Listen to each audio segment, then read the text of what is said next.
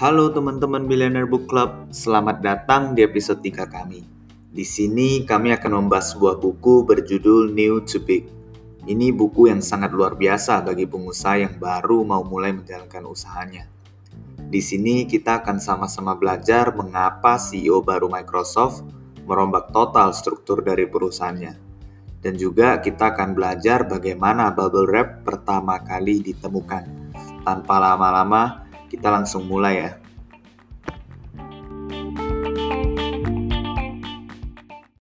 Oke, kita coba sedikit kembali pada abad 19.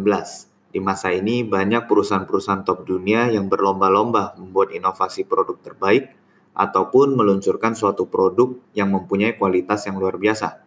Contohnya perusahaan-perusahaan yang memproduksi whisky ataupun sepeda pada saat itu. Lalu semua itu berubah ketika masuk ke mid-20th century. Di masa ini, perusahaan beralih fokus dari menciptakan produk dengan kualitas terbaik menjadi fokus terhadap profit perusahaan, di mana mereka juga lebih fokus untuk mencari keuntungan sebesar-besarnya agar dapat membayar gaji eksekutif yang mahal daripada memastikan mereka dapat serve customer mereka dengan baik. Tapi semua itu bertambah parah ketika mereka kembali merubah fokus mereka Kali ini, perusahaan top dunia lebih fokus untuk kepentingan pemegang saham daripada margin ataupun kualitas produk. Dan budaya seperti itu sudah tidak dapat lagi kita temukan di perusahaan startup sekarang. Kita bisa melihat bahwa perusahaan startup semuanya dimulai dari sebuah masalah. Founder-founder perusahaan startup ini kerap kali membuat sebuah perusahaan karena melihat ada masalah yang hadir di tengah-tengah kehidupan manusia. Sebut saja Gojek Gojek berdiri ketika mereka melihat sebuah masalah yang sangat mendasar, yaitu sangat susah untuk mencari ojek. Perlu pergi ke sebuah pangkalan, dan itu memakan waktu yang sangat lama. Judul buku ini, New to Big, menggambarkan bagaimana perusahaan new akan dengan mudah mengalahkan perusahaan yang big, hanya dengan ide. Tentunya ide yang dapat memberikan solusi pada masalah yang kompleks. Kita akan melihat di chapter berikutnya. Microsoft adalah sebuah karya nyata yang dapat kita bahas. Ketika CEO mereka Bill Gates turun dari jajaran direksi pada tahun 2000, Steve Ballmer menggantikan posisi Bill Gates pada saat itu. Alih-alih membuat terobosan baru dengan ide-ide cemerlang, Steve malah lebih fokus untuk mengembangkan existing produk yang sudah tidak mempunyai ruang inovasi yang banyak. Dan pada masa itu, Microsoft kalah jauh dengan banyak perusahaan tech lainnya dalam hal growth sebut saja Apple dan Google. Semua ini berubah ketika CEO selanjutnya memimpin, yang bernama Satya Nadella. Nadella melakukan langkah-langkah besar di mana dia mengundang hampir semua karyawan untuk memberikan gagasan-gagasan liar. Apakah itu baik atau buruk, tidak ada masalahnya.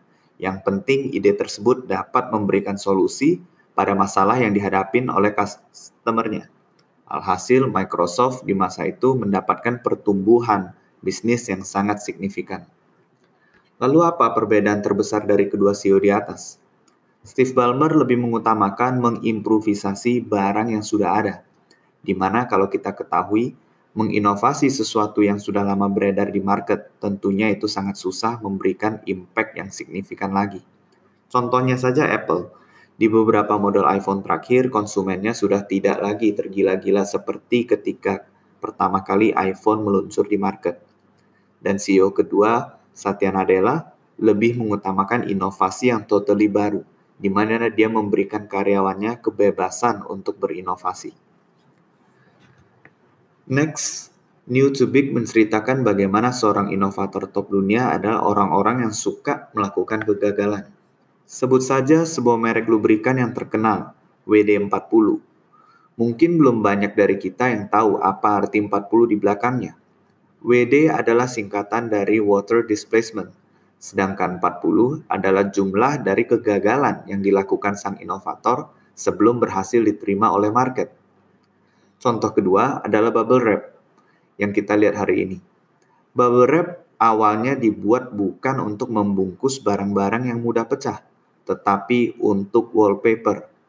Yes, kamu tidak salah dengar, Wallpaper karena menurut mereka itu akan menjadi suatu inovasi yang unik dan seperti yang kita ketahui, produk tersebut tidak laku di market. Dan pada suatu hari, seorang eksekutif IBM dengan tidak sengaja mengambil wallpaper itu untuk membungkus spare part komputer.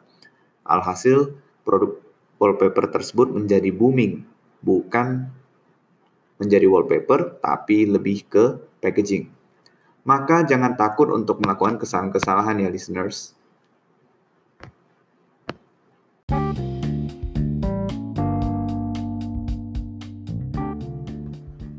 Daily tips hari ini adalah read outside of your comfort zone.